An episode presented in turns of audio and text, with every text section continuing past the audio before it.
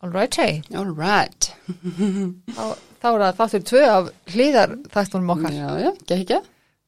Okkur vissi þetta ekki leðalegt. Nei. Við erum mættar í, í No Serious Studio í podcastöðinni í bóði Skíaborga og Hafsins. Gekkja. Það væri geggjað að fara að fá ykkur aðra styrtarhæl. Já, hvernig væri það nú? Er það bara hit me up ef þú eru til að styrkja okkur. Eða ekki það? Jú, jú, jú, jú, Ég býð bara eftir að samherji eða eitthvað í mér. Það verið geggjað. Það var ekki leðilegt sko Samir, sælt hérna Ég er að spája að fá að styðja við í þessu geggja samfélagsverkefni sem Það þú verið með frábært. Er það ekki? Sjálfstæðisflokkurinn, hvernig verið það? Já, það var líka geggja sko Loksins að það myndi gera eitthvað í þáu þáu jaðarhoppa Já, ég segi við sendum þeim e-mail. ekki, Jú. sjálfstæðsflokkurna sjálfstæðsflokkurinn.is Ég er mjög til í þetta. Ekki? Ég ætla að gera það Já, gera það. Ég stiði þig. Þú styði það, já, ég gera það. Heilsugar. ég, ég hef engar ágjörð að þú myndir ekki baka mig upp í þessu Ég er til í flesta villisur, sko. En það ekki? Jú, jú, maður verður að hafa kem, sér. svo bara kemur í ljós hvort að það virki eða ekki sko. Já, já, maður reynir ekki að veit maður ekki. Nákvæmlega, við látum ykkur vita hvernig þetta gengur hjá okkur. Já, Ég er spennt, uppdæti næsta hætti. nákvæmlega. En hvað, hérna, við ætlum að ræða eitthvað í dag, Já, já.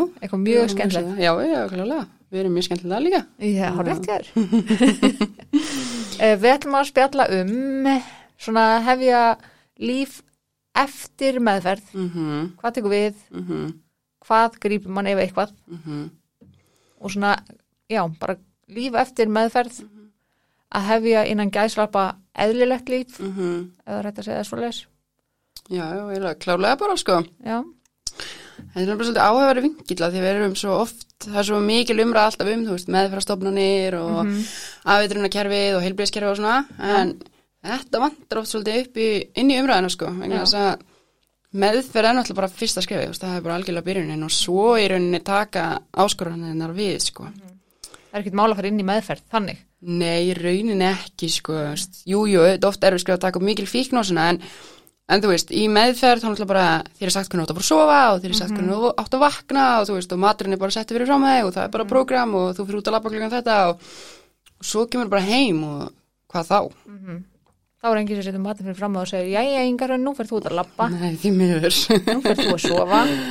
því miður, sko, það bara getur reynst mjög erfitt og ég veit að það er bara mjög algeng mistök að koma til meðferð og ætla að gleipa heim, heiminn einu deg og bara, nú ætla ég bara sem er bara ekki búin að sofa, þú veist að einhverjum eðlun tíma í þrjú ár og bara hef aldrei sýnt neinu og búin að missa fylskunni en ég ætla bara að fara sjösunum í viku í vör klass og svo ætla ég að byrja í jóka og ég ætla að fara að synda og ég ætla að borða holt og þú veist, fólk í þennan pakka. Já, já, og svo náttúrulega bara nær maður ekkert standinu þessu veist, það er bara engin leið og, og þetta er svona æmið, þá byrja niðurbroti og ég get ekki neitt og du, du, du, þú veist og þá fyrir maður að leita í það sem maður kann. mm það er bara máli og það eina sem við kunnum á þessum tíma og staðarinn við lærum ykkur önni bjarga það er að deyfa okkur skil, þú veist og þannig að þetta getur oft verið mjög hættuleg tími og það þarf stuðning þegar að sko maður er að koma út um meðferð líka.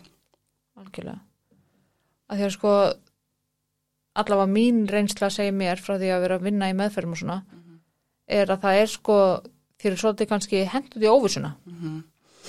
Já, klárlega sko, það er svo erfitt þetta millibilis ástand, þú, það, þú kannski ferði, þú veist, meðferð, ferði átunum 10 daga og 28 daga svo meðferð eða eitthvað svo leið, sko. Og svo ætlar þú kannski að býja eftir að komast inn í endurhæfingu eða sálfræði meðferð eða hvað sem henda þér. Þá er þetta millibils ástand, þú kemur út á meðferð og svo taka bílistandi við. Já. Hvað þá? Þetta er ótrúlega hættulegu tími.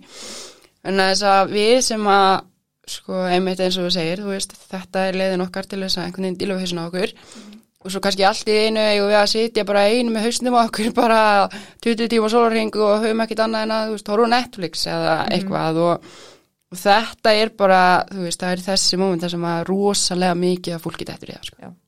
Að því það var, þú veist, áðurinn að einstaklingu fyrir meðferð, þá snýrist sólarhingunum að nota, nú þarf að setja eitthvað annað í staðinn.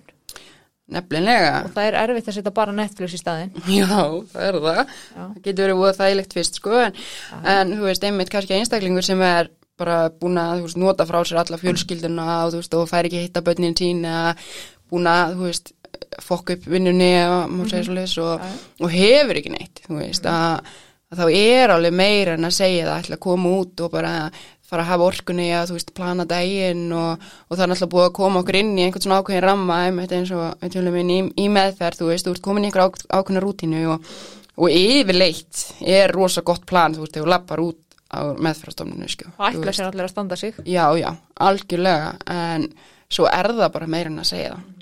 Og eða þetta er, þú veist, eins og S.A.A. náttúrulega býður upp á stuðningshópa, þú veist, fyrir fólk sem að bæði þau sem eru búin að klára vús og þau sem eru búin að klára vík og, og þú getur farið og einmitt hitt fólk kannski sem var með þér í meðferð og ferði einhverju svona hópavinnu og eitthvað, en sko, er það nóg? Veist? svari nei. Nei, sammála því að kannski mæta í já, klukkutíma á dag eða þú veist, tvo tíma til þessari viku eða hvernig sem að það virkar og, og þú veist, ég hef oft farið í gegnum þetta ferli og þú veist, og það er bara mín reynslega svo það er frábært starf sem er unnið annað nýri búin og, og þú veist, fólk er alltaf vilja gert til þess að hjálpa þér en, en það er ekki tægt að flytja ángað Nei, nei. veist, og, og eðlilega sko, og það þarf einhvern veginn að bæta einhverju sko fleiri við og, og svo er það eins og grættistæki sem að er alveg frábær endurhæfing og ég hef búin að vera þar núna bara sko í hvað, eitt og hálft ára eða eitthvað slegis en það var mjög krefjandi tími að býða til dæmis eftir að komast þangað inn Og grættist ekki bara fyrir þá sem er með lögumil Reykjavík. Já, ég ætlaði myndi að segja það og sko Það, þegar ég vissi það, mér varst það alveg galið. Mm. Það er það sko og maður skilur ekki alveg af hverju, þú veist, það get ekki fleiri sveitafjölu komið inn í þetta. Mm. Sko er pælingi með það, því ég grættist ekki einnáttúrulega bara að mínu mati og sko heyri þessa skoðun hjá bara flestum sem hafa farið þar í gegn, þetta er bara besta sem þú Algjörlega. getur gert í raunin eftir meðferð Já. og bara frábær starf sem er unnið þarna og klálega búið að bjarga minni eitthvað sko algjörlega sko. Sammála því, bara frábært starf. Þar. en þú veist, fólki hafnafyrir þarf alveg jafn mikið á þessu að halda. Ég- Þú veist. Ef ekki meira.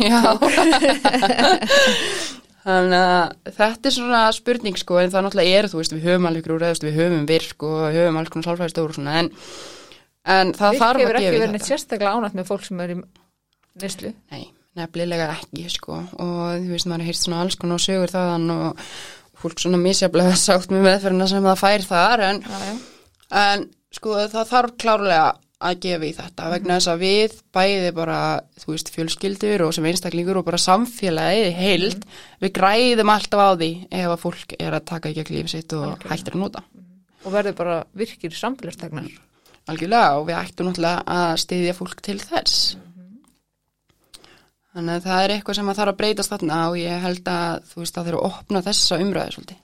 Algjörlega. Við erum alltaf að tala um að svo fjársveld meðferðarkerfin og það þarf að gera betur þarna og þú veist, jú, jú, vissulega mætti alveg gera betur þar, alveg Já, já. klálega, en svo er í rauninni lífi byrjar og áskorun að byrja þegar þú kemur út. Mm Það þarf að vera eitthvað sem grípur sko, eftir að þú lappar út um meðferð. Mm Nefnilega, þannig að svo er bara spurningin hvað væri hægt að gera því að, og svo er það líka sem að mætti algjörlega nefna í þessu samingi eru áfangaheimilin, að það getur í rauninni hver sem er, bara staðið bara í ætlastóma áfangaheimili og það eru, eru frábær áfangaheimili til en það er líka rosa mikið að núti sem bara ætti ekki vera kalla áfangaheimili, Þú veist, algjörlega og maður hefur bara því leika hryllingsögur og, og eins og þegar ég fór inn að betra líf í Fannborginni í einhver tíma. Já, ég reynda að stoppaði mjög stutt vegna þess að ég fekk hann á dingjuna sem betur fer. Ok. En þú veist, það bara því líka keiosi sem að var þar inni og bara enginn þurfti að fylgja neinu reglum og fólk var bara að nota og, og einhvern veginn var hringt í fórstöðumanninn og kemur einhver heim í gerra og þannig klukkan drjúi nótt bara, þú veist, greinlega búin að vera að nota bara mjög mikið og bara mjög annarlega ástandi kemur heim í gerra og ástandi og já, já, er ekki bara besta legunum að fara svo? Já. Veist, nei, því að í fyrsta leið þú ert að setja þessa manneskju í hættu, þá þarf einhver að fylgjast með þessari manneskju, en þú ert líka að setja líf hinna manneskjurina í hættu sem að, þú veist, er að inni, hinn er einstaklingi sem eru að reyna ná bata og eru að reyna að gera sitt besta og svo kemur manneskja inn í mjög annarlegu ástandi, hvað gerir þetta, hvað gerir fíkn? Það er bara erfitt að blanda saman fólki sem er að vera ytrú og fólki sem er að nota. Það er náttúrulega bara meikir ekki sens á neinu leveli og, og maður sér það með svona stofnanir að þetta er bara rekið í, þú veist, hagnaðaskinni. Þetta er bara snýst bara um peningana og, og við sjáum það bara í mjög auknum mæli að einmitt fólk ætlar að reyna að græða áfengamilum þú veist og, og þú getur ekki verið í þessum business að þú ætlar að græða á fólki. Þetta er ekki hópun sem þú átt að vera að græða alls ekki sko. Þannig að svo einmitt sjá það núna með málið sem var að koma upp með dingjuna og með fórstökununa þar í náttúrulega var þar inni líka og, og bara mikil hjálp þar alveg klárlega sko en ímestlegt sem hefði mátt gera betur og, og þetta kom mér svo ótrúlega lítið á óvart. Að það, Já, þetta kom mér alveg ótrúlega lítið á óvart og þú veist, við erum að borga bara mjög háa leigu þarna. Ok, og þú veist, og prógrami er þannig að þú veist, þið skiptist á að elda kvöldmatt til dæmis. Ok og það var alltaf þannig að þú veist, það var bara einhvern ákveðin listi sem maður mátti kaupa við skrifum á innkaupalista sem var bara á vegnum ef að mjólkin kláraðist, þá bara skrifaði í mjólk og svona og um leið og þú varst farin að skrifa, veist, rjómaostur eða eitthvað sem var annað en smýr og ostur, það bara var allt brjálað og bara, þú veist, ég verði bara að kaupa þessa hluti sjálfar og samt um er að borga, ég manni hvað það var, rúmur 100 skall í leigu til þess að vera í herbyggi með annari konu, það er ekki wifi, sko. mm. Mm, veist. og ástandi var svona sko, það bara var rosalega mikið bara svona þú veist, hernaðar uppeldi ef maður má segja svo leiðis já, já. en og bara allt strípað já, algjörlega en þú veist, Ingjan er samt frábær staður og ég er ótrúlega ánað að það er ekki loka henni og þú ætla einhver nýra að taka við vegna að þetta er mjög gott konsept já, og það er mikilvægt einmitt finnst mér að kynjaskipta þessum hlutum þannig að þú getur haft Algjörlega. val um að vera bara með konum ef að það er það sem þú vilt Mhm. en þetta er klárlega eitthvað sem að þarf að breyta sko, þá ekki bara hvaða Jón sem er út í bæ að geta lappað inn og bara er ég ætlast að maður áfangaheimili nei, ég er algjörlega sammála því Mm. Það var einmitt kona hjá mér í viðtalið um daginn hún Ellisif já, sem að sagði að hún var í edru þrátt fyrir betra líf. Já, ekki, ekki sagt hún var í edru þöks í betra líf heldur var hún edru þrátt fyrir að hafa farið á betra líf. Akkurat og þar hafa því miður nokkur dáið. Já, já, algjörlega og ég mér er þess að þekkt eina sem að dóðan inni og hérna og ég meit þekki Elisif líka og hlusta á þáttinn sko og, og þetta er bara svo ótrúlega rétt sem Mhm. hún er að segja og ég meit þekki alveg líka nokkra sem hafa farað henni í gegn. En, en svo er málið þannig að þú veist, ok, hvað á fólk samt annað að gera? Ef þú ert heimilislaus og kannski bara búin að vera gutin í einhver tíma og ert ekki velkomin neinstæðar og, og þú veist, þú ert að klára meðferð, þú ætlar að standa þig og þarna er þér búið húsnæði. Þannig hvað annað átt að gera, átt að fara í konungott frekar nei. nei, nei. Þú veist, þetta er kannski eina úrræði sem er í bóði fyrir þig. Jú, algjörlega sko og það bara var reyndar ekki þess- þessar reytrumennsku en það bjargaði mér samt algjörlega að komast inn á tingin að komast frá betra líf, þú veist að, að þú veist, ég var svo ótrúlega þakklátt þegar ég fekk þetta herbergi og bara þetta var svo frábært og svo bara kem ég inn í herbergi og bara mér þess að var ekki búið að þrýfa eftir manneskinu sem að fóru undan sem greinilega hafði dottið í það sko og, og þetta var bara allt ógislega bara klístur í gólfin og þú veist, átt að vera einhverja aðfundir og húsfundir hana og það skipti engum alveg þurftir ekki að mæta og þú veist, þetta Já, var bara þetta var bara rosalegt chaos sko. Já, Já, á betra líf. Já, Ekki svo mikið betra líf. Alls ekki sko. Nei, nei. Sem er ótrúlega sorglegt að sé ekkit eftirlit. Mm, Klárulega, Já. náttúrulega bara á ekki að fá að líðast þess þetta er svo ótrúlega mikilvægt, þetta er þetta snýst um líf fólks. Já, já, það er alveg svo leiðis og bara við sjáum það bara aftur og aftur og aftur að ungt fólk er að deyja úr vímöfnótkun og það er fullt af fólki sem að vill ná bata, þetta er náttúrulega sé ekki öll og við þurfum líka bara að byrja verðingu fyrir því en, það er fullt af fólki að núti sem vill ná bata. Og kannski byrjar að því að þurfa að býða bara heilingi eftir að komast inn í aðvitrun og einmitt að vera að tala við eina sem ég þekki sem er að vinna vogi og hún sagði að það er minnst að kosti 70 dagar í byggð já, sem er rosalega langur tími fyrir manneski sem vill átt að renna sér. Það er rosalega langur tími að býða ótrúlega margt sem getur gerst á 70 dögum. Já, já, algjörlega. Og hversu mörg deyja á byggðlistanum, skilur Þannig að, þú veist, ef þú, þér er síðan bóðið þetta, þú ert búin að fara í gegnum kannski vóg og vík og ert síðan eftirfylgnir í voni eitthvað og, og þannig er þið bóðið að komast í rauninni í örugt skjól og þetta er náttúrulega kannski flestunni meðvitið um það í dag hvernig ástandi er en það var ekki þannig þetta opnaði, skilur Nei, nei, bara nýtt áfungaheimili og, og þessi maður ætlaði bara að gera betur fyrir, þú veist, þannig hóp vegna þess að sonur hans hafði ekki fengið henni aðstóð og eitthvað svona og hérna og svo bara hefur við séð hvernig það fyrir bara ræðileg hlutur á gestanðinni, sko. Sem bara mjög sorglegt Já, já, algjörlega. Svo eru önnur áfangaheimili Já, já. sem eru náttúrulega bara misgóð, Mm þú veist en í rauninni eina áfangaheimili sem er bara fyrir konur -hmm. það er dingjan Algjörlega og við þurfum að opna svona eins og vin er og Já. þar sem að fólk náttúrulega og fyrir þá sem ekki vita hvað vin er einmitt. Finnir eftir því að maður gerir einhvern veginn ráð fyrir að því við vitum alltaf bara hvað það er þá gerum maður bara ráð fyrir því að fólk viti það. Já, já, akkurat ætlaði með þetta að útskýra það að eins og það er fyrir kallmenn sem að eru búin að reyna margóft að fara í meðferð og það kannski gengur ekki upp og svona flestir sem eru að reyni hafa verið að nota vímöfni æðum einhver tíma. Og bara svona, þú veist ef maður má segja svolítið veikasti hópurinn er þannig þeir sem Já, já. kannski þurfa mestu aðstofuna og, og ég veit búin að reyna að trekki trekka að fara í meðferð og og þá fá þeir þar inn og það er alveg bara, þú veist, þar hef ég fylst með mönnum farið gegn og bara náð frábærum árangri og svona, mikið utanumhald já, algjörlega í rauninni er þetta bara áframhaldandi meðferð. Já. Þannig að færðu bara í rauninni átján mánuði aukalega í meðferð til þess að jafna þig og, og þú veist, það eru fyrirlistrar og það eru grúpur og það eru einhverju morgunfundir og einmitt þú getur farið nýra og voga og fengið að borða, þú veist, og það, þetta er eitthvað sem að þyrfti að opna fyrir konuna líka. Og þetta er á vegum að svo Já, þetta er að vega með þess að og ég hafði nú heyrt að það hefði verið einhver pæling með að opna svona fyrir konur líka en það svo er nú bara, bara pæling sem ég var að vinna þarna. Já, já, já, svo bara einmitt hefur ekkert gerst í þeim árum ennþá allavega en Nei, vonandi verður það bara. Já, já, klárlega sko og, og einmitt svo kannski þyrfti líka að bæta svolítið inn í um, því það sem að fólk hefur kannski meiri séns á að hitta börnin sína á áfangamilum með kannski koma og gista eina helgimanni eða eitthvað Já. svona. Þeir eru að fá upp á vinn bönni sín til sín. Já, já, algjörlega. Mm Algjörlega. Það verður náttúrulega geggjað að fá einmitt, meira, að hafa meira um það. Mm en svo það sem vantar að mínum mati mm sérstaklega eins og hérna á Íslandi er svona heildstætt.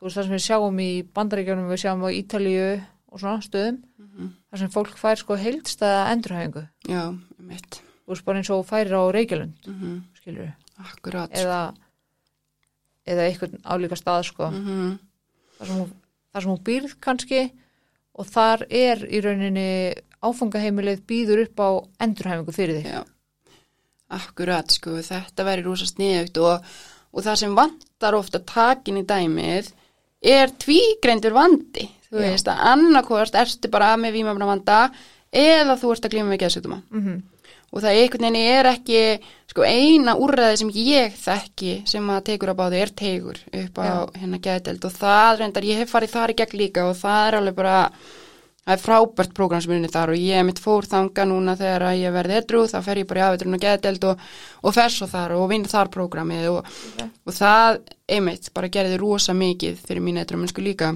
okay. þannig að það svona dekkaði aðeins þetta millibilsásna, þannig áður en ég kemst síðan inn í greiðtastakið en áður en ég kemst inn á teg þá er ég búin reyður í fjóra mánu mm. og þetta bara er ótrúlega erfið tímbil já, bara það. Og einmitt er á áfangaheimili líka þar sem að þú veist, það er ekki búið upp á til dæmis mat og, og maður er að koma út úr bara harður í neyslu og svona fjárraksstaðan er kannski ekkit frábær til þess að byrja með fyrstu mánuðina og Nei, og einmitt er bara á einhverjum fél og bótum og er samt að borga bara þú veist, meir en helmingin í leigu og, og svo skulda maður alls konar og þú veist, svo þarf maður að borga strætókort eða bensína að þú veist hvernig segir það er og, og það, sko, ég átti oft bara ekkit fyrir mat síðustu tvær vikunar og það er svona, þú veist, maður er einhvern veginn er að koma úr svo miklu harki og maður bara svona þráir þetta öryggi. Þannig að versta sem að alkoholistu upplýðir það er þetta óryggi mm það er þannig að Já.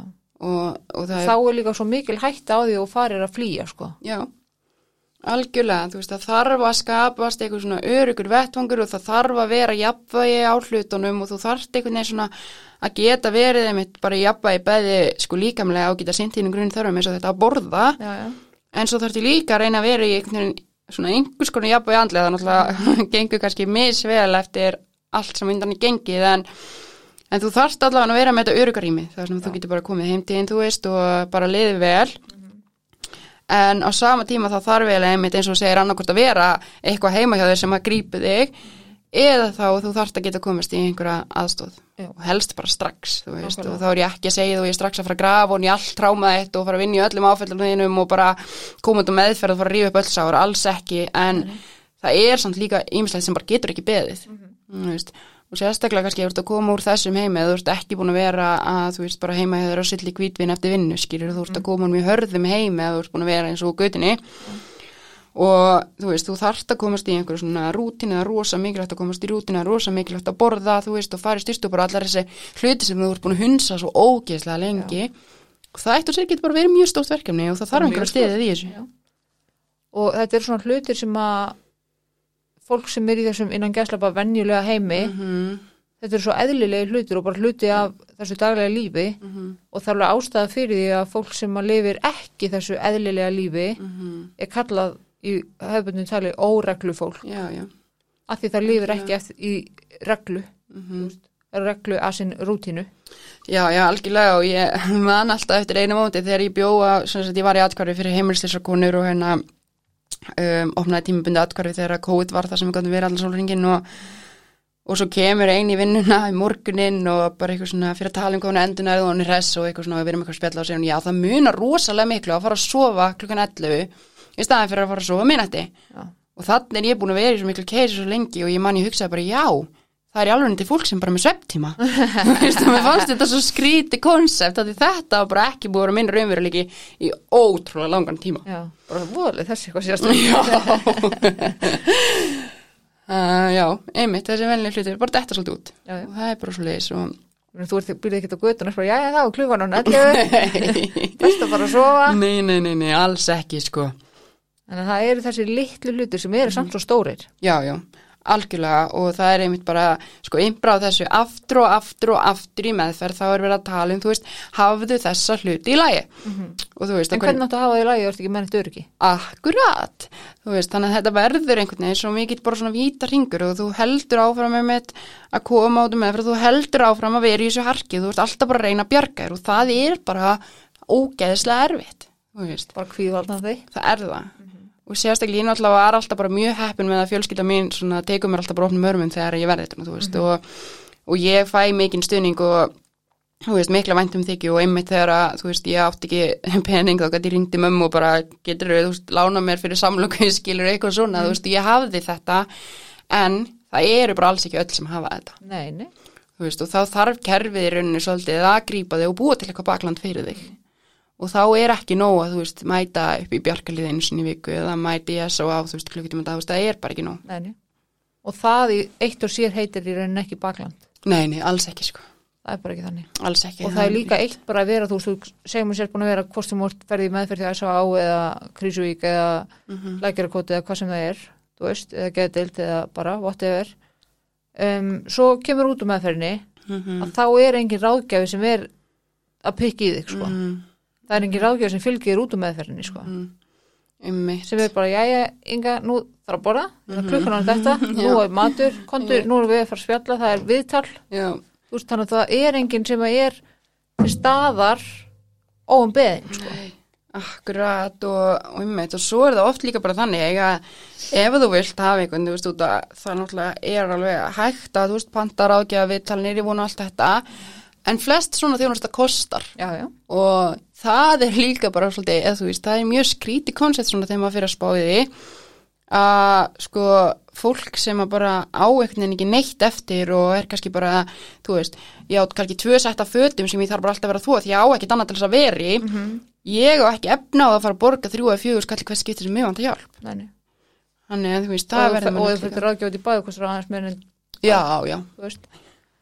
En svo þá þarf maður alltaf líka að vita bara að féló í raun og veru borgar fyrir fólk, en maður þannig alltaf sækja sér það. já, Og fólk sem er nýkomið út um meðferð, heilin er ekki búin að jafna sig, þannig að það er rauninni sko allt svona framkvæma eitthvað, það er ofbóðslega erfitt og ofbúðrækt. algjörlega það vantar algjörlega drifkraftinn Já. og veist, það er bara meira sér að það bara að fara út og hitta viniðina þegar mm -hmm. með fyrir er bara ógeðslega erfitt og, og maður verður svo ótrúlega þreytur og svona alltaf búin að vera í bara ákveðnum bómil þegar ert í meðferð það er alveg svolítið, þú veist, maður er bara einhver staðar upp í sveit og þú veist, það er bara einhvern veginn svona þú veist, þú ræður bara hvenar þú ringir í fólk, það er enginn sem getur ringt í þig og það er ekki mm. endalus áreita símanum og allt þetta Já.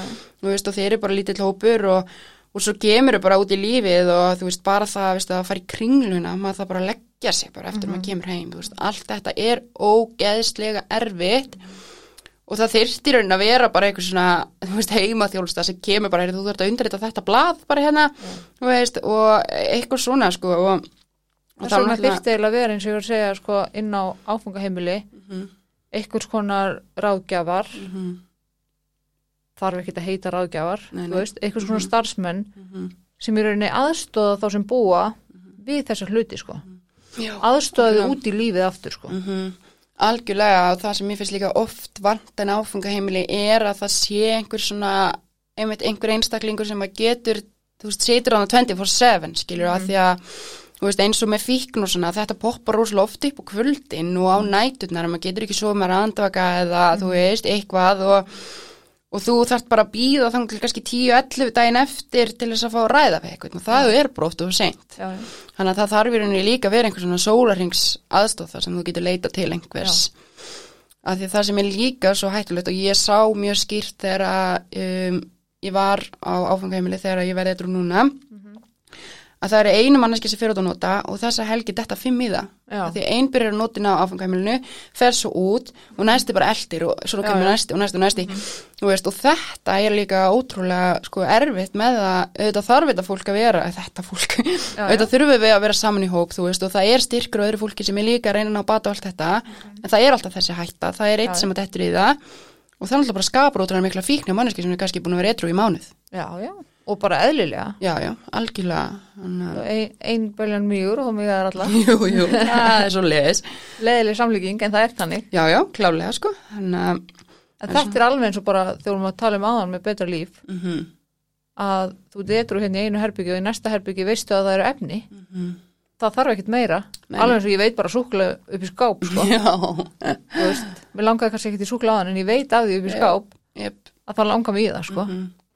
Akkurat, og þetta er nefnilega málið sko, þess að það þarf að fara svo ótrúlega vallega, þú veist, með þetta og það er náttúrulega fólk ekkert að þurfa að fara bara í gegnum eitthvað svona tjekk sko áður en að það færa að stopna áfangaheimili, þú veist, það og mér finnst það mín skoðun fólk er eins og alltaf sam, hérna, velkomið að vera sammála mér eða ósammála bara, mér sko, já, að mér finnst það þurfa að vera bara einhverju standardar sko. mhm, Þú klárlega, veist, þá ekki að vera bara einn starfsmæður sem ræður mhm, og svo eru bara ekkert starfsfólk og það Nei. er bara ekki neitt Nei. og svo eru bara þeir sem búa þarna þeir eru bara sjálfur já, akkurat sko, þú veist, þetta er bara, að því að þetta líka myndi ekki viðgangast með neitt annað, sko, þú veist, eða væri einhver sjúkdómur og þú ætlaði bara að fara að stopna einhver endurhæfingadeild eða bara að fara að vinna sér sjúkurþjálfur eða ekki hýrópraktur eða eitthvað skilur, þú veist, þú fengir það aldrei af hverju er ekki spáð í þessu sem er svona, þú veist, eins og við vorum að tala um, þetta er svo ótrúlega hættilegt og við missum svo ótrúlega mikið af fólki úr þessu og gott áfangaheimili og einmitt gott inngrip og mikið utanumhald getur haft bara allt að segja.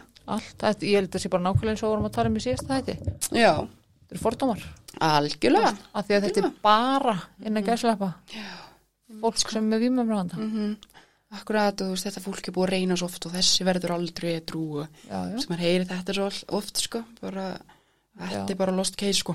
bara að það dó einhverjum á þessu áfangafili já, var ekki, var ekki neyslu? Já, akkurat, sko. svo það gerir döðsfallið eitthvað minna? Já, einmitt sko því að bara sorgin er alltaf mikil fyrir aðstandendur og það er alveg sama hvað, þú veist, hvert einstaklingurinn er komin að hvað hann hefur gert þér að whatever sko. Að, þú veist manneskjarnir samt dáin og það er alltaf umilagt og fjölskyldan var samt að missa einstakling. Mm, nefnilega sko og, og einmitt og þetta er svolítið dæmi með einmitt og þetta er bara orðið tölur á blaði sko. Þetta er ekki lengur einhvern veginn manneska sem á skilið bara sín réttindi og væntum þykju og allt það sem við eigum öll skilið já, sko bara virðingu. Mm -hmm. að þetta er eitthvað sem að og allir sem þekkja mig vita að ég verð brjálu yfir þessu sko, ég, reyna að halda kúlin en þetta er, þetta er svona hlutur við dreymir um áfangaheimili sem verður er sem raunverulega er gert til að aðstofa fólk út í lífið. Mm -hmm. ekki bara að segja, ekki bara gistiheimili sko, akkurat sko. Og sem það er gistiheimili sem að býður upp á mat eða ekki sko. Mhm. Já, já, algjörlega sko. Og það sem er líka, einmitt talandi um að reka svona í hagnaðskinni að það er ákveðið áfangaheimili sem að ég bara veit fyrir víst að hefur verið að taka inn fólk sem að er ekki einu sinni að glíma með mjög það er bara verið að fylla upp í plássin og fólk kannski sem er að glíma við geðran vanda eða einmitt einhvern tímann kom einhver sem var sko umsækjandi vernd og, og bara fær að fara inn á áfangaheimili sem er ætlað fólki sem er að reyna á bata. Um, að því að við þurfum að fylla upp í plássin eins og sé ekki nógu mikið af fólki í fyrsta lagi sem að þarf aðstæðan að halda og í öðru lagi þá er ekki fólk þarna sem að er sko hæft í það að fara að þú sinna fólki sem er að glíma alvarlegan geðræna vanda.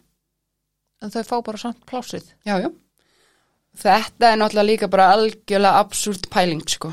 Þetta er bara eitthvað svona sem að á ekki að fá að líðast, bara alls ekki. Og þú veist, ég gerir mér alveg grein fyrir því að þú veist, kerfið er ekki að taka nógu vel á móti fólki sem að, einmitt eða kannski að glíma við gerðan vanda og allt þetta sko, en þetta er samt ekki rétt staðurinn. nei, alls ekki. Þannig að það er margt svona sem mætti það er margt en, broti í þessu kjærfi en Já, þetta já. er ekki rétt að leiðin samt. Nei, nei, alls ekki og ég meina þetta sýnir líka bara að það er ekkit eftirlit. Ekki neitt. Það er enginn að spói hvað er að gerast þannig inni. Og ég meina af hverju ætti mjög setja bara lítilsverðing gagvart öllum. Algjörlega. Þú veist, af hverju ætti manneska sem er ekki með fíkni mm -hmm, sjúkdóm eða vímöfna vanda mm -hmm, að vilja búa á áfangaheimili sem að Mhm. áherslan er lögð á fólk með vímöfna vanda mhm. og öfugt. Já, akkurat sko og svo sjáum við eins og núna með dingjuna og fórstu konuna þar, þú veist, af hverju var ekki lungu búið að átta sig á því hvað var að gera stanna, þú veist, hvað, af hverju er enginn að pæli því að þú veist, það sé svona mikið fjármagn að fara út en samt er aldrei til matur og eða þú veist, til matur, jú, jú, skilur en það er bara til, þú veist, serjur sem mjölk og þú veist, kjúklingur og eitthvað svona, skilur. Af hverju er enginn að spá í þessum hlutum? Það er bara málið sko. Mm. af því að mín kenning Mhm. enn og aftur af því að þe- þetta er hópur sem að mætir ágangi já, já, já, algjörlega og það er verið þannig allt og lengi og, og ég bara skil ekki, þú veist, og nú hefur verið mjög mikil umræða og ég tek henni klálega fagnandi en, en það verðist voða lítið af fólki sem hefur eitthvað með þetta að segja að vera að hlusta. Já, 100% uh, sem er ótrúlega Ánga til mann því ég sendi e-mail Punktur is. hilsa Bjarna og kannski sendi kveði á hann í leðinni Ég ger það, hann hlýtur að svara mér. Bótið Nei, nei, svo sér maður, þú veist, það eru ákveðnir þingmenn sem að, þú veist, fara upp í pontu og er að reyna að berast þessum hópi og er að reyna að segja ímislegt, þú veist, og koma með góð rauk og allt þetta, en þú veist, það er ekki hlustað og, þú veist, og við sjáum þetta líka bara aftur og aftur og aftur eins og öll þessi frumvörp með afklapavæðingu og allt þetta kjaftaði sem er búið ganga á þar, sko, en með getur gert með alveg bila, sko, þú veist, þetta er fælt aftur og aftur og aftur, þú veist, og fólk er svona viljandi að miskilja Já, já, já, mil- viljandi að miskilja og svona kannski láta fólk halda líka hlutinni sjöður sem þeir eru og þú veist, það er svo mikið á ruggli sem einhvern veginn færa slæta, sko, maður bara, ég fatti þetta ekki, sko. ekki eldur. Þetta er bara, þetta eru það er ein þingkona sem mætir einhvern veginn að því nú er- mæti ég mjög mikið á svona alls konar ráðstefnur og svona sem Já, fyrir þessu hún mætir allt Sko. Mm. Ég er náttúrulega mann ekkert hvað hún heitir en hún er í pírötum Já, er þetta Lenju, Rún? nei, Nei, hún er svona ok. ljósar með síþár Já, býtu, ég veit um hvað er að tala. já, já, já. hún svona alltaf hún mætir allt svona og tala Já. mjög mikið fyrir svona afglapaðingu Mm og svona, mjög, ég held að sé ekki að hlusta á hana sko. Nei, nei, einmitt sko og einmitt ástæðan fyrir nefni Lenju sko, hún er algjör, hún er frábær sko. Ég er bara, ég fíla hana mjög mikið og einmitt hefur verið bara, þú veist, mjög ung og hefur verið að taka þessa slægi sko, þú veist og þú er að segja meðan það er þegja og allt þetta sko. Og það er náttúrulega, þetta er til dæminu en svo bara, einmitt, kemur sjálfstæðisflokkurinn og fellir þetta skilir, þú veist, þetta er einhvern veginn alltaf bara, það er alltaf sama fólki sem að sko, þú veist um, fer á móti þessu og og maður hugsaður, þú veist, ok, en hvernig væri að fá, þú veist, byrjaði kannski að kynna sér hlutina aðeins, þú veist, áður en þú kemur fram bara í Íslandi í dag eða fjölmjölum og fer bara eitthvað að bulla, sko, og, þú veist, og er enginn sem að er náinn þér sem að er að glíma við þetta vandamál, er enginn sem er náinn þér sem er að þjásta því hann er ekki að hætta með neyslu, skilur, eða hefur þurft að leita á áfangaheimili Mhm. eða einmitt, farið meðferð einmitt, eða whatever, eitthvað. Og ég er bara neita að trúa því, þú veist, þetta er svo ótrúlega einhvern veginn, auðvitað er það ekki þannig. Nei, nei, bara alls ekki, sko, en svo er spurning hvort þú vilja viðkynna vandan sko. Já, það er nefnilega það og einmitt sko, það er bara við, sko það er rosa mikill munur á því virðist vera sko að neyta vímefna í jakkafötum eða neyru gistikili sko. Þú veist, að Já, það er bara, þú veist, það er ótrúlega mikið af fólki í mjög hátstum stöðum sem bara neyti vímefna, það er bara Um, og svo komum við inn á það, þú veist að það er verið að fagna einhverju og þá er bara kampavinn og eitthvað og það allt í henni er orðið ekkert en allt öruvísi sko. En að því þú vinnur í borgatúnu og þú ert rosa fínt bindi sko þá er þetta allt annað heldur en að þú veist er hennar gistskili það er tvent mjög ólíkt sko. Já, já, það er það náttúrulega sko en þetta er bara, veist, þetta er svo svo fárulega getur meira sem komið í fréttur og sagt bara að ég var fullur. Já, einmitt. Og það er náttúrulega bara afsakar allt sko, bara það skiptir ekki máli hvort þú ert með sko rasisma eða ofbeldi eða fordum eða hvað sem er sko. Æ, já, ég drakk bara aðeins svo mikið og ég bara býst afsakna þess en ég ætla ekki að segja á mér samt. Nei, ég er ekki alkoholisti Nei, nei, nei, nei, nei. Alltaf er því sko? Já, þetta er bara þetta er bara ég bara skil ekki ég er ennþá þar að ég skil ekki bara af hverju fólki sko notnendunir mhm, eða skjólstæðingarnir eða hvað fólk vil kalla þá sem búa til dæmis á áfangaheimilum eða á þurft að fara í meðferði eða þú veist, mhm, akkur er þau ekki spurð? Hvað er það sem veist það, bara, hvað getur gert betur? Ég ég hugsi þetta svo ótrúlega oft einmitt og tala oft um þetta og, og finn svo flott eins og hann Kristján sem að kom sér inn í þannan hóp þannig á alþingi sko og bara barðist fyrir því að það sé hlustað á okkar rödd. Já, já, og einmitt það er verið að reyna, þú veist, vinna að afglapa væðingu þar og allt þetta verið að reyna að vera í einhverju samstarfi við lögregluna og eitthvað svona sko.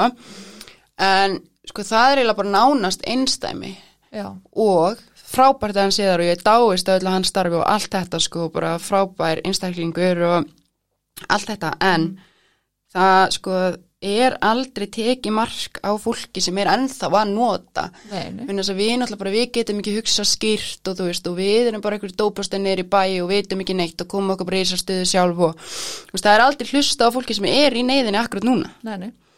Þetta er bara einhvern veginn, við erum bara annars flokks fólk og þannig er það bara. emdi val Hymdir valgostur, jú, jú, við erum bara að muna það tína. Já, já. Bara, frá val, jú, jú. hættir með auðmíkaskap hættir máta, Já, slefti bara að kaupa þér næsta skamt. þetta er alveg galið Þetta er það sko. en hvernig, þú veist, að því nú hefur þú búið á áfangaheimilum, Mhm. ég hef ekki búið á áfangaheimilum. Já, uh, ég var til í að eiga áfangaheimili. Já, einn daginn, þú veist. Mm hvernig myndið þú vilja sjá drauma áfangaheimili? Eitthvað svona sem þú getur séð fyrir þér að myndi virka? Sko,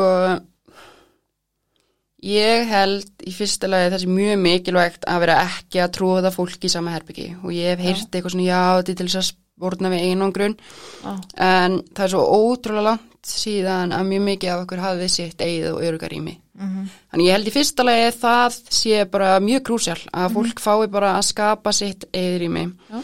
Um, leiga náttúrulega mætti ekki vera á hafa, þetta þarf að standa undir sér og allt það, Já, já. en þetta á ekki að vera reikið í hagnaðskinni eins og við komum inn á. Uh, það þarf að, þú veist, vera hægt að sinna sínum grunn þörfum á það án þess að vera, þú veist, eigða fjölubótunum sínum öllum í mat, skiluru. Um, en það sem ég held að sé bara mjög mikilvægt er einmitt að það sé prógram, þú veist, og það er einhvern veginn haldið utanum að það er fólk sem er fært um að, sko, eins og stjórna grúpum og svona, sem er sett í þetta, ekki bara einhver sem að inn og vil fá vinnu. Og svo held ég að verði að vera eitthvað svona fagfólk sem að getur unni með sko sálræna partin, þú veist, að því að einmitt það er ótrúlega mikið sem hefur gengið á, við erum búin að vera ótrúlega miklu niðurbróti, ótrúlega langan tíma, ná ekki hægt að nota og þú veist, búin að yfirgefa bönnun okkar og allt þetta, þú veist, og það þarf að vera einhver sem getur tekið á móti þessum tilfinningum, þú veist, auðvitað kannski er ekkert hægt að fara í einhverja svaka, þú veist, sálræna vinnu og allt þetta og kannski þarf að leita annað með það og við náttúrulega höfum bara frábæra stofnunir í það líka, en það verður að vera einhver sem að getur tekið spjallið og það verður að vera einhver Tekið sem hægt er utan að um leita okkur. til, já, Já. algjörlega sko og svo er með þar svolítið að vega með þetta, ég held að kynjaskipt sé alltaf málið sko já, ég er Þú veist. sammála því en þess að sérstaklega kannski uh, með konur, við erum búin að lenda í ótrúlega miklu bara rugliðan úti skilur og mjög mikið af konum sem komum bara ótrúlega trámaðar inn í meðferð og er að díla við bara alls konar sem hefur gengið á og að vera kannski hrættum að mæta gerandan einum, þú veist, Já. hver er að fara að mæta næst og hver fara næsta herbergi eða bara hreinlega, þú veist, kallmenn bara tryggur mig, Já. þú veist og, og það er svo margt sem að geta fyllt þessu þannig ég held að það sé líka algjörlega grúsjál sko, að þetta sé uh, kynjaskipt og svo finnst þér ekki líka eitt sorry, alltaf, finnst þér ekki líka eins og nú tala ofbáslega margar stelpur, konur um Mhm. það að þú er ekki konur mm -hmm. eftir neyslu til dæmis en þarna færi tækifæri til þess að kannski tengjast konum og eignast vinkonur. Já, einmitt sko. Og þetta er eitthvað sem ég heyri alveg ótrúlega oft sko Mhm. þegar ég er bara eitthvað svona að ræða við þú veist ég eitthvað spjall við stelpur sem einmitt er orðnir eitthvað að bara já, ég var svo ótrúlega hrættu konur og það er búið að svíkja mig svo oft í neyslu og stinga mig í bakið. En svo kem ég hérna inn í þú veist hvað sem það er tólspúra samtöku eða einhverja hópa eða whatever og núna á ég bara, þú veist, vinkonur sem ég get bara treystur öllu og, og þetta er svona yfirleitt reynslan þegar að fólk, neða konur verði eitru þannig jú, klárlega sko ég skil alveg þessi erfitt skrifa að taka en ég held samt alltaf að það sé betra að, þú veist, hafa kynin saman heldur en eða hafa kynin sundilegu heldur en að vera að blanda þessu saman sko. algjörlega, en finnst þið þá ekki líka meðfyrir eftir vera Jú, klárlega sko Já. ég bara þú veist, af hverju er það ekki lungu orðið svoleiðis? Mm. Þess að það er eitthvað verið að reyna að skipta sér niður, þú veist, en ég skil alveg að það er kannski meira en að segja það, en þú veist, í fyrsta lagi þá tók okkur ótrúlega langan tíma að fatta það að við sitjum ekki ungmenni með fullorðni fólki, þú veist. Og ég man svo vel eftir í hvernig það var að koma, þú veist, átján, 19 ára eitthvað inn á vog og og einhvern veginn allir þessi kattar sem eru kannski búin að drekka í þú veist 40-50 ára og hæ, litla, hvað segir þú nú? Og mm -hmm. rosalegt þú nú sæt? Og þú veist eitthvað svona ógið sem maður þarf ekki á að halda þegar maður kemur inn í meðferð. Mm. Mm, og við hefum heyrst bara hræðilega sögur af eitt ungmennum sem að lenda í bara hryllilegum hlutum inn á meðferðarstofnum þú veist og við vitum það bara fyrir víst að það gerist. Um, það er búið að skipta því niður núna, skiljur, það er alveg og Svo, alveg ámerkað. Já, það er það sko. Það er bara um, þú veist, það er bara búið að loka bángsa eða ungmenna deildina af já. og þú veist, það eru bara skilrum og þeir bara, þú veist, við hittum þau aldrei, aldrei. það er bara nei. Það er og það er bara lokað, þú veist og, og hérna ekki mat eða neitt. Nei, ekki mat og þau fara bara, þú veist, sérst átt að reykja og allt, skilur, okay, þetta, er bara, þetta er bara lokað á núna. Uh, eða var það allavega þegar ég fór síðast inn á vokk um, já, algjörlega og mjög gott skref sko mm -hmm. um, en svo veit ég sko þú veist það sem að bara það er komið svo langt en það er komin einhver þrjú ára eitthvað síðan ég var hann og ég veit mm -hmm. að hafa voruð breytinga þannig inni síðan ég kom síðast en og mm -hmm. en það sem ég heyra allavega af fólki sem ég þekki sem að eru að fara í afvitrinina og að það er svona verið eitthvað að reyna að kynna skipta sig og þú veist og þetta er eitthvað svona kallmenn eru hér og, og konur eru hér og Jú veist, en svo allavega það síðasta sem ég heyrði var það að svo mætast þau mitt í mat og held ég á aðfundum og eitthvað svona mm -hmm. og svo einmitt er spurningi sem er kannski svona aðeins lengra út fyrir efni sem að væri gaman að pæla í einhvern tíman en svo þekki ég fólk sem er trans já, já. og hvar passar það vegna þess að það er ekki tekið tillit til þess að, þú veist, ok ef ég er ekki búin að fara í gegnum allt ferli, þú veist, ég er kannski ekki búin að fara í aðgerðna sem ég ætli í og hormonaferli og allt þetta að þá er ég bara sett með vittlösu kyni, þú veist. Já. að ég er kannski búin að koma út sem trans og ég er búin að finna út, þú veist, heyrðu, ég er konaskiluru og, þú veist að ég er samt sett með köllunum Já, veist, þessi lutir eru líka bara eitthvað sem að þurfti líka algjörlega að spá í og, en já, það sem ég allavega heyri er það að það er ekki hægt kannski að kynja skiptir svo alveg. Og Nei. þá er spurningin, þú veist, hvernig getum við gert það vegna þess að það er, fyrir mig þá er öryggisatri að hafa komin að ég bara ekki að mér samanlega Nei, ég mitt sko, og það eru þá heldur líka bara flestir sko, en eins og kannski er þetta flókið. eins og húsnaði bara býður kannski ekki alveg upp á það. Nei, nefnilega. Að hafa þetta 100% Nei, nefnilega sko, þannig að Þetta er alveg verkefni. Já, já, klárlega sko, þú veist, og ég vil alveg trúa því að það séu fólkarnir sem er að gera sitt besta, þú veist. 100% viljinni fyrir hendi Já, algjörlega sko. En þetta er náttúrulega bara meira en að segja það, maður fattar það alveg. Já, já, já Ég held að sé enginn að reyna að gera þetta ekki sko. Nei, það er svona með mig, alls ekki. Það má kannski ímerslegt segja um það sem hefur gengið á einan stjórnaræs og á undarfærið en þú veist, fólkið á gólfinu er að vinna gott starf já, og já, já. þú veist, vilja það besta sko, alveg klálega 100% mm. það er þannig sko. En ef við höldum áfram með áfangaheimilis mm. veist, það sem myndi vilja kannski er líka ef við skiljum rétt svona hafa manneskjörðinni sem eru tilbúin að grýpa þá sem búa áfangaheimilinu. Algjörlega sko og ég held bara að það sé oft bara svolítið upp og lífa döða sko, mm. þú veist, mhm. ég held, þú veist, nú, ég bara, sko, já, ég veil ekki tjölun á því hvað svo oft ég hef farið en áfangaheimili og virkilega bara ég ætla mér að vera ytrú, þú veist, og þetta bara ætla að ganga og ég bara, þú veist, ótrúlega bara komið með mikinn kraft eftir þessa meðferð og einmitt þess að tala bara ætla að gleipa heimina einu deg og mjög oft gert þau mistök, sko, já og einmitt svo kannski bara keiri mig út eða eitthvað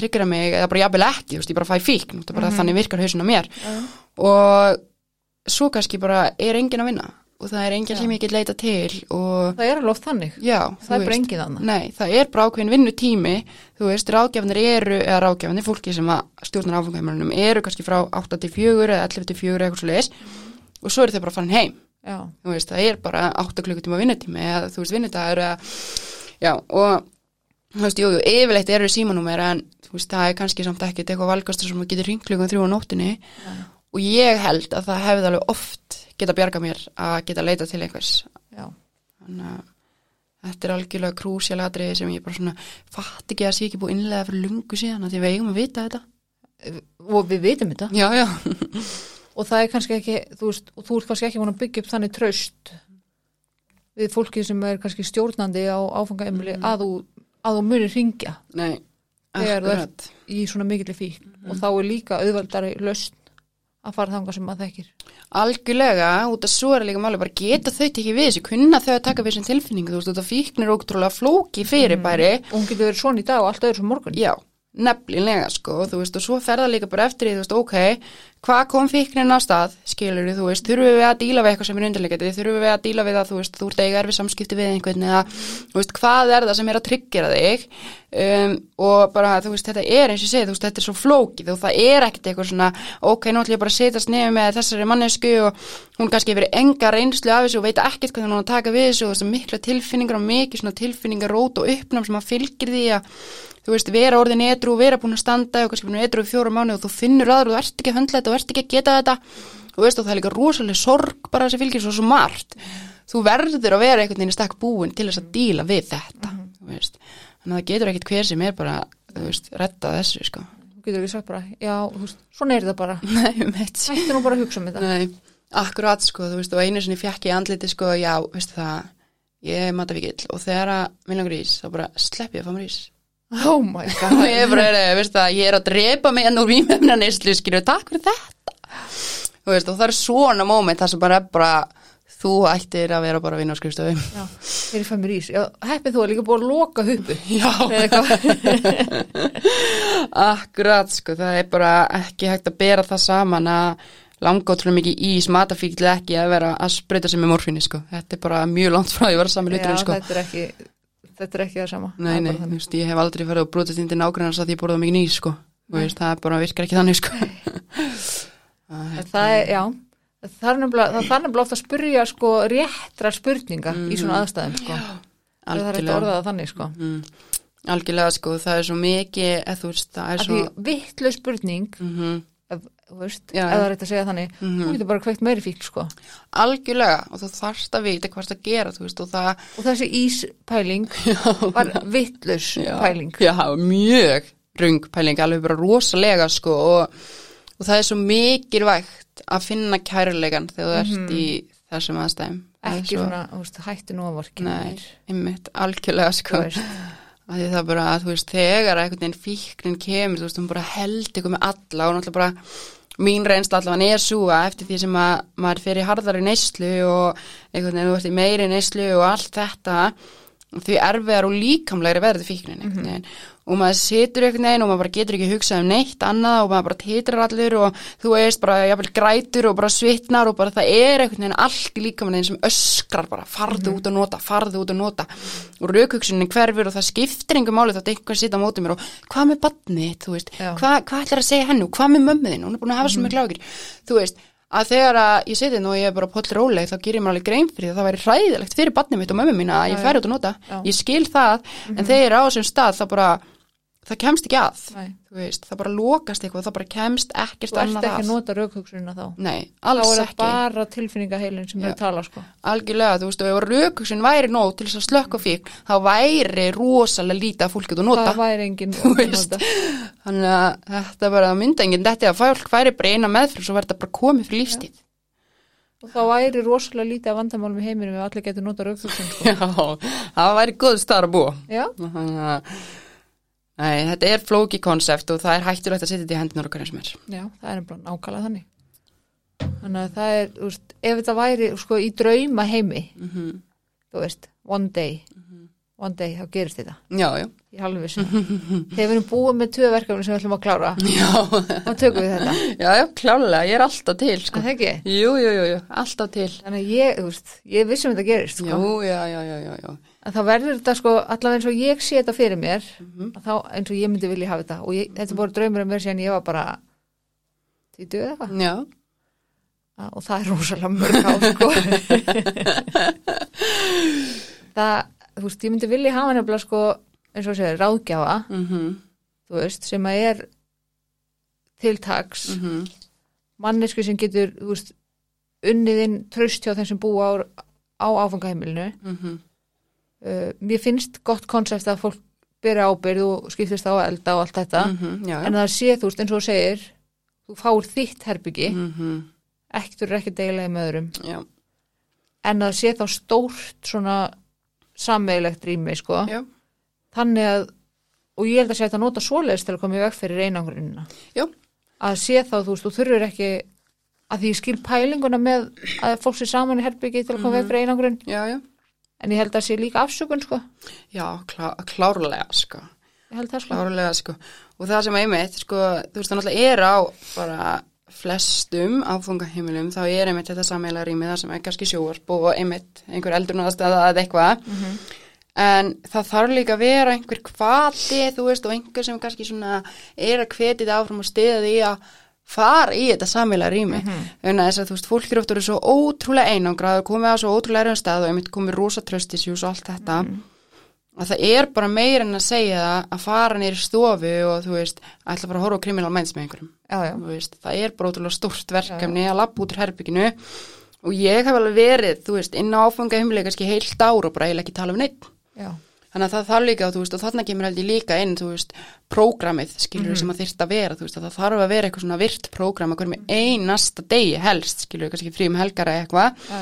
en helst að hverjum einasta degi þarf að vera eitthvað svona hvati, heyrðu, ok, ég þarf að mæti grúpu, skilur, það eru grúpur, það er morgunfundur og það er einhver svona húsverk sem fólk þarf að sinna Mhm. þú veist. Og það er bara þannig að ef þú sinnur sig ekki að þá eitthvað, þú þú þarf bara að sinna þínu. Algjörlega, sko, algjörlega, ég er alveg sammála því, sko, en þú veist, á sama tíma þá, þú veist, ég er 100% sammála því maður að segja- heldur ekki verið refsingar samt. Nei, akkurat, ég ætlaði einmitt að segja það, það er ótrúlega erfitt einmitt fyrir fólk sem er að komin og þú veist, við erum flest bara þunglind og kvíðin og bara Já, mikið af alls konar sem er í gangi, ég ætla nú svona til að byrja með fyrstu mánuðina, að þá er ótrúlega erfitt að heyra, ef þú þrýfur ekki klósiti núna í tóta árið, þá er það hend út. já, Að vera eitthvað sem eins og umbunarkerfi. Já, eitthvað svoleið, sko, þú Já. veist, og sko, býtu, nú ætlaði ég að segja eitthvað óðasnett, mm það kemur. Það er eitthvað spurning hvað það var, já, já, að, það kemur. Ég held að verði sko, ég held að virki frekar alveg eins og ég hef reyndar ótt sagt að, Mhm. að þegar þú ert að eiga við hérna alkoholista sem er kannski að reyna ná bata eða er ekki bata, þá er þetta svolítið eins og eiga við börn. Já, það getur alveg verið svolítið, Já. sko. þannig að ég held að umbunarkerfi sé vænlegra, Mm þú veist. Já, og svo er það líka svolítið þannig að það þurfa bara að vera mjög skýra reglur sko, já, já, klárulega, mjög skýra reglur og rammi. Mm -hmm, veist, það er bara kvöldmöður klukkan þetta. Mm þú veist, og það eru bara reglur. Og þegar fólk mætir að þá eru reglunda bara mjög skýrar Já, já, þú veist, það er bara vaknað hérna og það er bara fundur klukkan þetta og grúpa klukkan þetta, bara eins og þau ert í meðferð.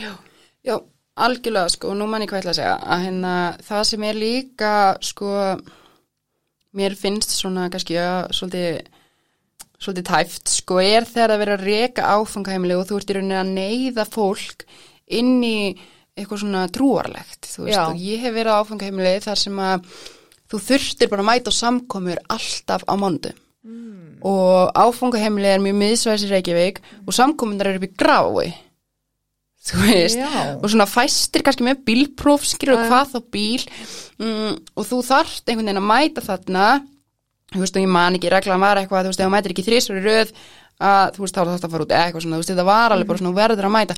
Og mjög mikið af fólki sem var að segja bara þú veist ég hef ekki áhuga á því að fara til byrja Jésús skilur við fullt af fólki sem að nýtti sér það líka og fannst það frábært og Já, gott já. að blessa Já, já. þú veist allt í lagi að benda á þetta og ég skil alveg að fórstu menn voru rosalega að trúa fólk en þarna ert í rauninni að sko limita það mjög mikið að fólk getur komist í örygt skjólvögn þess að það er bara fullt af fólki og sérstaklega fólk sem er kannski bara að lenda í alls konar ruggli og fullt áfyllum og opildi og alls konar skilur og, og jafnvel bara frá æsku að það er rosalega erfitt kannski að fara eitthvað svona samþykja það að það sé til einhver guð sem á að venda þau og blessa þau, hvað er hann búin að vera allan tíman, Já. skilju, fólk er oft í þessu hugurarstandi og ég heyri þetta mjög oft og átti þetta samtal rosalega oft einmitt á þessum tíma.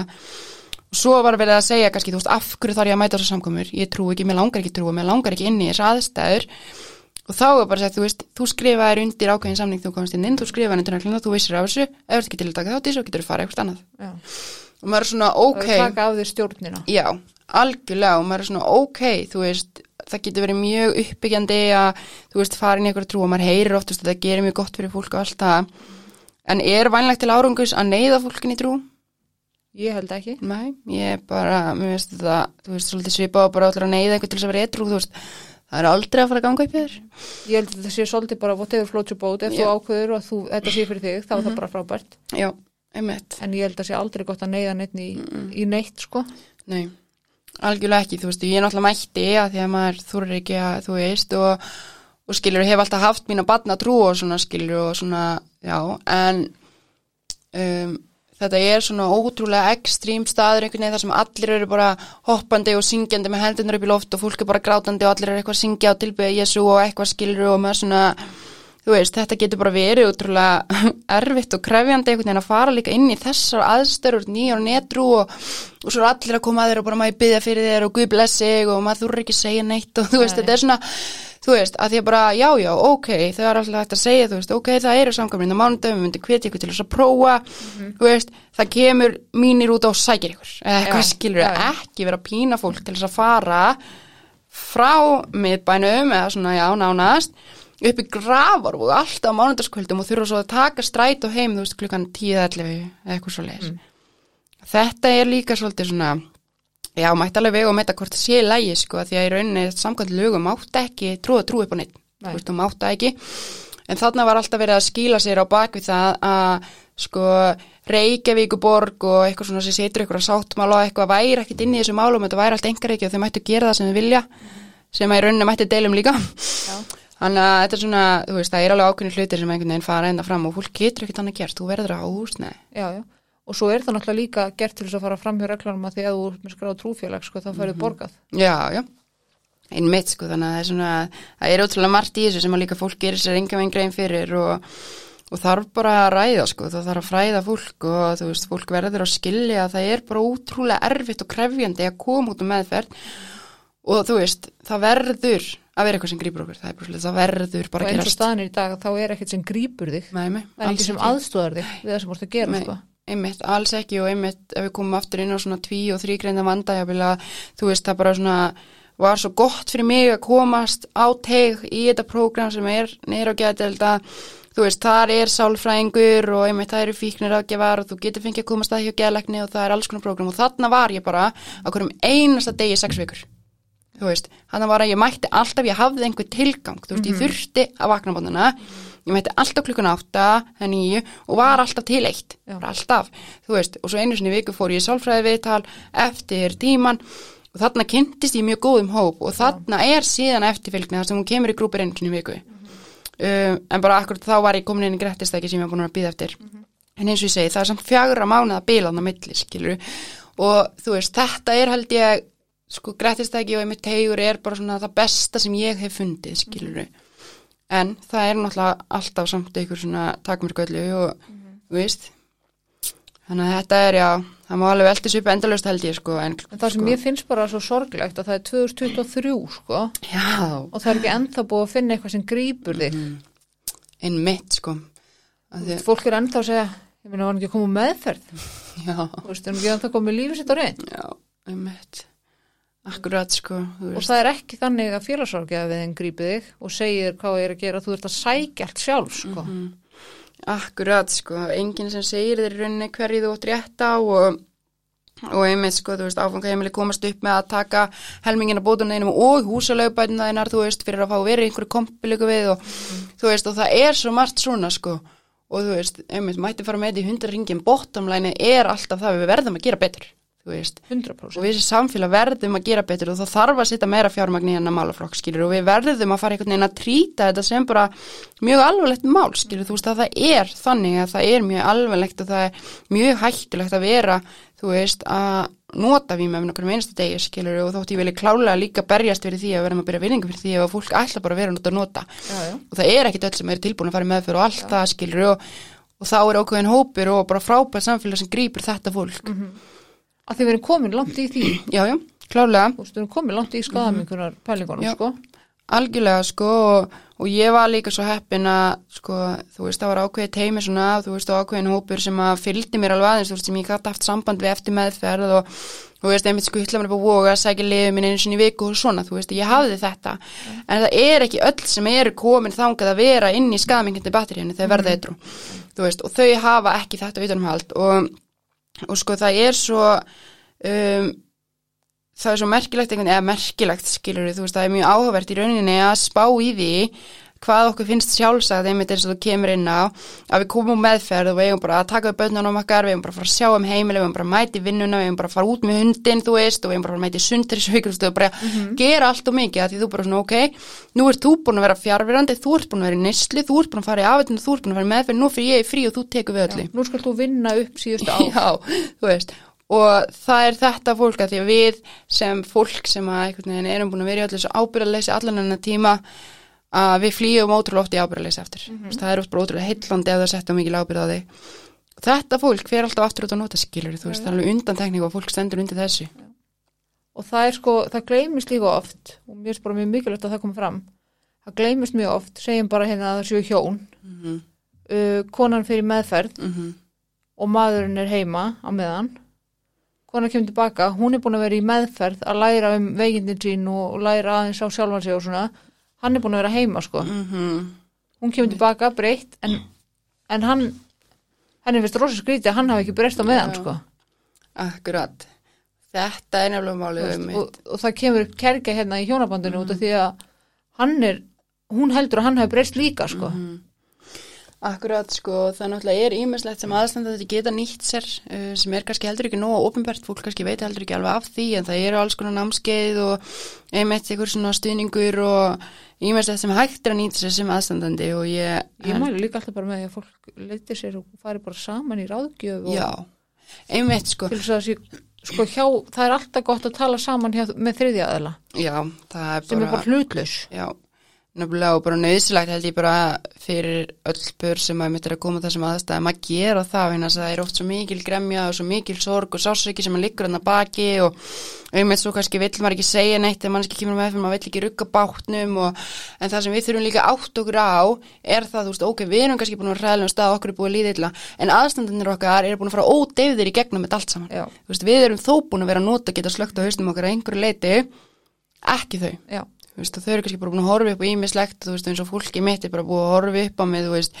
bara búin að nóða í mig lífi þú veist, mm. þrísvar skiluru og, og svona ímislegt sem er búin að gerast og þú veist, horfa um mig farin og getild aftur og aftur að vera nöðungu, veist, það er verið að svifta mig og ég er alveg búin að missa vita á okkurna tímpundi að mamma mín er bara ódegð heima að deyja úr áhugjum skilur, ég er bara tínast í þrjá fjóru dag og ég er bara eitthvað, þú veist, mm veit ekki neitt og fatt ekki neitt hvað valda miklum áhugjum og þú veist, að við þurfum líka að byrja virðingu fyrir þessu og og það er ótrúlega erfitt að setja mútið aðstændið sínum og hlusta bara þú veist og einhvern veginn heyra bara þú veist ok, mér leiði svona og þetta gerðist þú veist og ég er búin að taka nokkur svolítið samtöl og, og það er ótrúlega erfitt að þannig að vera ekki afsaka sig. Já, já. já en skiluru en þetta er bara eitthvað svona samtalheldi sem við verðum að taka sko. Mm -hmm. alveg 100% þó það sé mjög kræfjandi sko. Já, og ég mæl alltaf með að fólk býði aðeins skiluru, ekki strax, ekki en þú veist, við verðum líka, þú veist, einmitt þess að ég segja við séum kannski búin að vera veiki aðlinn að þá veikist aðstandunir okkar yfirleitt með okkur, mm. þú veist, þið verður ótrúlega meðverkja mitt og fara í eitthvað svona bjargvættar hlutverk og fara að gera ímestlega sem þau ætliðu sér kannski aldrei að gera. En, þú veist, það er bara já, er mjög súkt ástand líka að verða ómeðverk, sko. Ég náttúrulega vil meina það á að segja það að þó svo að meðverkni sé ekki sjúkdómur mm -hmm. að það getur verið mjög sjúklegt ástand, sko. Já, Algjörlega sko, algjörlega það er klálega eitthvað sem að fólk þarf að leita sér aðstofa við líka. Mm -hmm. Af því að fólk, sko það er svo marga byrtingamyndir mm -hmm. já, já. og mjög oft þegar maður segir hérna fólkið hvað er meðvirkni mm -hmm. að það er bara hæ? Af því að þetta eru svo opaslega ofnótað orð. Já, já, algjörlega. Þú veist, ég má sko. alltaf halda hurðinni fyrir það að það eru með. já, innmeitt sko og það er einmitt, ég er búin að vera að taka mér svolítið tíma eftir ég varði þetta og ég að læra bara um meðvirkni sko, einmitt, veist, ég hef verið líka bara veist, þetta er ekki bara aðstöndu mín ég er líka búin að glíma við meðverknum bara frá barnesku bara mm -hmm. át af ýmsum ástæðum sko. yeah. uh, ég hef bara búin að taka mér svolítið góðan tíma núna í að læra um meðverknu og einmitt vera að hitta annað fólk sem er einhvern veginn að díla við það sama mm -hmm. og ég man svo vel þegar ég kem einhvern veginn í fyrsta skipti inn í þennan hóp þar sem að fólk er einhvern veginn að reyna að sigrast og þessu og, og, hérna, og það er lesið upp eitthvað svona spjald, þú veist, eða meðvirkni er du, du, du, du og ég hafði alltaf tólkað það bara að þú ert erfitt með að segja nei og þú vilt óknast öðrum. En þetta er svo ótrúlega stort hugtak og mikið sem að fylgir þessu. Já. og það er ótrúlega skrítið að sitja og hlusta á þetta og maður er bara einhvern veginn þú veist það er bara að vera að lýsa mér skilir og maður er bara já, wow Þið er búin að fylgjast með mér? Já. Einmitt. Þannig að það er margt að huga að, sko, þegar Já. fólk kemur út á meðferð og ég mitt, sko, en ég held svona að mikilvægast er að við ætlum ekki fara að grafa vorni í trámað okkar, við erum búin eitthvað í það er Nei. mjög hættulegt og það kemur þér aftur út á fyllir og við ætlum að ekki gleypa heiminn og einu deg, þú veist, Það þarf gefa sér tíma. já, algjörlega, það tekur tíma að koma sér í að bæ, það er bara svo leiðis og ekki Það- bara, Bara má ekki gleyma því, sko, að, sko, þegar verðum metrú, Mhm. eða þegar fólk verður edrú, eða hættir að nota, þá fer það gegn frákvörf. Mhm. Það má heldur ekki gleyma því að svo koma síðkvörf. já, einmitt, Og fólk má ekki gleyma því, sko, að það getur tekið heilan upp í tvö ár að jafna sig. Þannig að ekki láta ykkur bregða að það getur tekið bara mjög langan tíma fyrir bara heilan að púsla sér saman, sko. já, já, og veistu það, Þannig, ég, að, þannig að fólk verður ekkert bara komið í jafnvægi og bara allt í gutti bara í næsta mánuði, sko.